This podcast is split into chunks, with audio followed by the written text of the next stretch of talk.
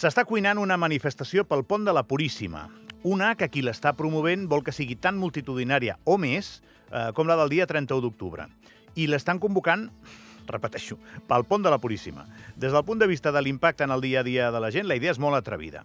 Fa uns dies vam tenir aquí al programa dos responsables policials que van enfocar el problema des d'una perspectiva professional i sense torça per res al gest. La gent té dret a manifestar-se i si ha de ser aquest dia, el que haurem de mirar és de fer-ho de la millor manera possible. Ens van dir amb calma Ramon Torné i Albert Rivero, dos dels responsables d'organitzar aquests dispositius a la policia. Cap retret als convocants, cap mostra d'incomoditat, feina al capdavall i l'obligació de fer-la bé. La reacció dels policies és la d'un país que va complint etapes i que ho ha de fer amb naturalitat. Els ciutadans viuen una vida que s'assembla a la de la resta de països de l'entorn i, per tant, si ens entra una crisi com la que tenim de l'habitatge, el més normal és que la gent protesti.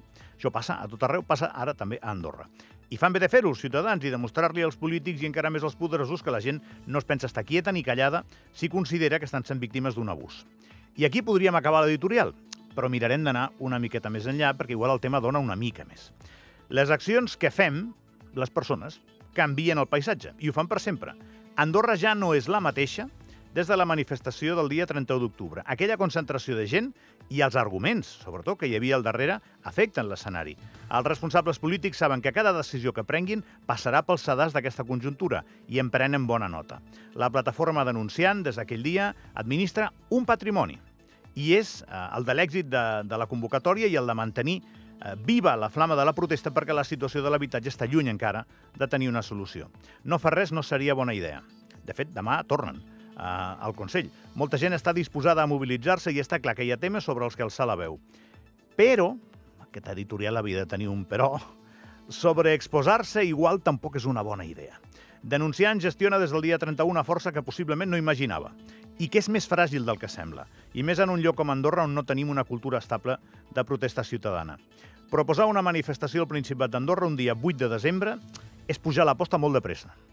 Potser massa. No sé si ho és, eh? però potser massa. Per una banda, igual resulta que amb el país ple de cotxes una manifestació no hi cap. És que igual no hi cap, eh? Si vols anar per una artèria de les importants, tal com sona. Igual no hi ha lloc per fer-la. I si les coses no van bé, el moviment pot quedar afectat i veure com es compromet el patrimoni conquistat el dia 31. Per tot l'exposat anteriorment, havent vist com hem vist com es posa el país de gent per la Puríssima, amb el far de pencar que molta gent es fa aquells dies, perquè molta gent no para de treballar hores i hores. Jo no faria una mani el dia de la Puríssima. Ja us ho dic jo mateix, jo no la faria. Però potser seria massa prudent jo. O potser no, vés a saber. No tenen una feina senzilla, ni molt menys, els que coordinen les protestes.